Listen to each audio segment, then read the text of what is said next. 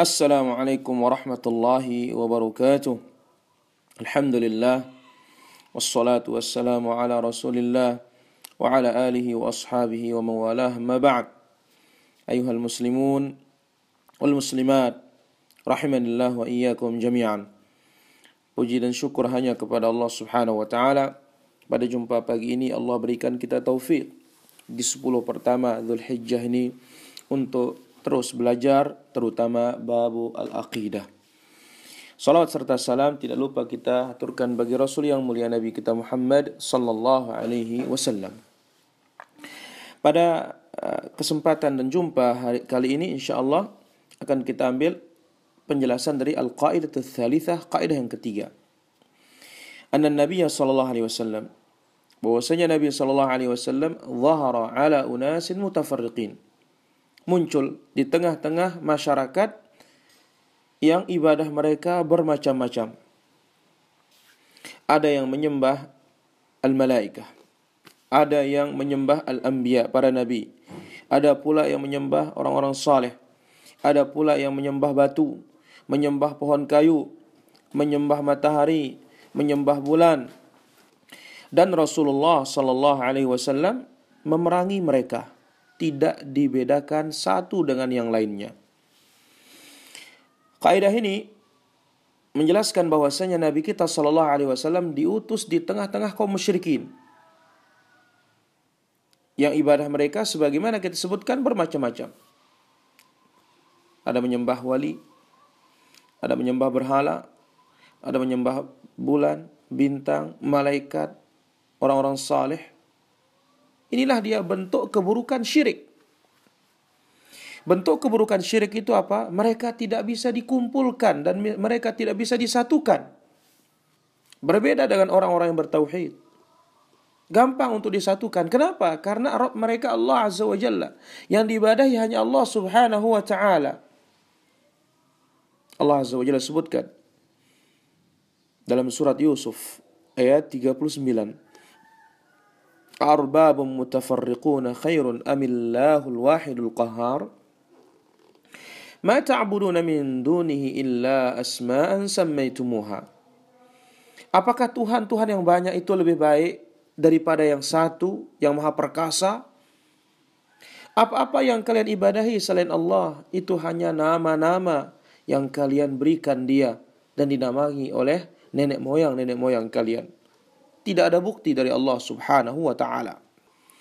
Maka di antara bentuk buruknya kesyirikan dan batilnya kesyirikan pelakunya bermacam-macam yang diibadahi selain Allah Subhanahu wa taala. Mereka berjalan sesuai dengan hawa nafsunya. Mereka berjalan sesuai dengan pemikiran-pemikiran sesatnya. Maka banyaklah perpecahan mereka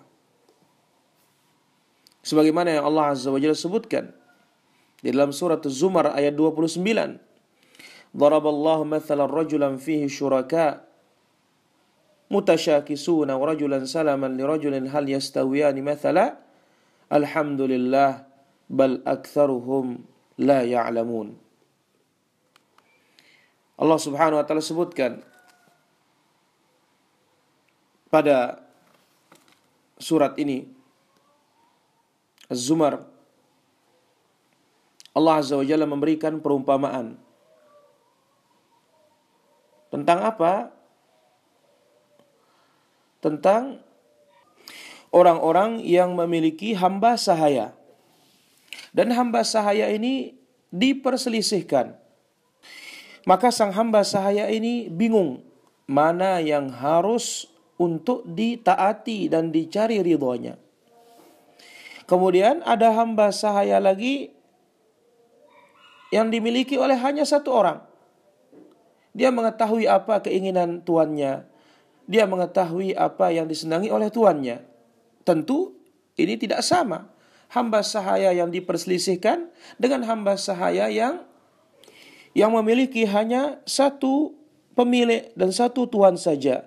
Dia akan tahu mana kesenangan tuannya, dia akan tahu mana yang mendatangkan keredaan tuannya. Maka yang beribadah hanya kepada Allah Subhanahu wa taala semata, ya ibarat hamba sahaya yang dimiliki oleh satu tuan saja, maka dia akan tenang. Dia tahu apa keinginan tuannya. Dia akan mengetahui apa tuntutan tuannya dan dia pun akan istirahat. Adapun orang-orang yang berbuat kesyirikan kepada Allah Subhanahu wa taala, dia taubahnya ibarat orang yang memiliki banyak pemilik, banyak tuan. Dia tidak tahu siapa yang harus dia cari ridhonya. Karena setiap orang dari tuannya memiliki keinginan sendiri-sendiri. Memiliki permintaan masing-masing. Memiliki keinginan yang berbeda. Maka Allah Azza wa Jalla sebutkan, Daraballahu mathalan rajulan fihi syuraka mutasyakisun. Yaitu Allah Azza wa Jalla memberikan perumpamaan tentang hamba sahaya yang memilih yang dimiliki oleh banyak orang.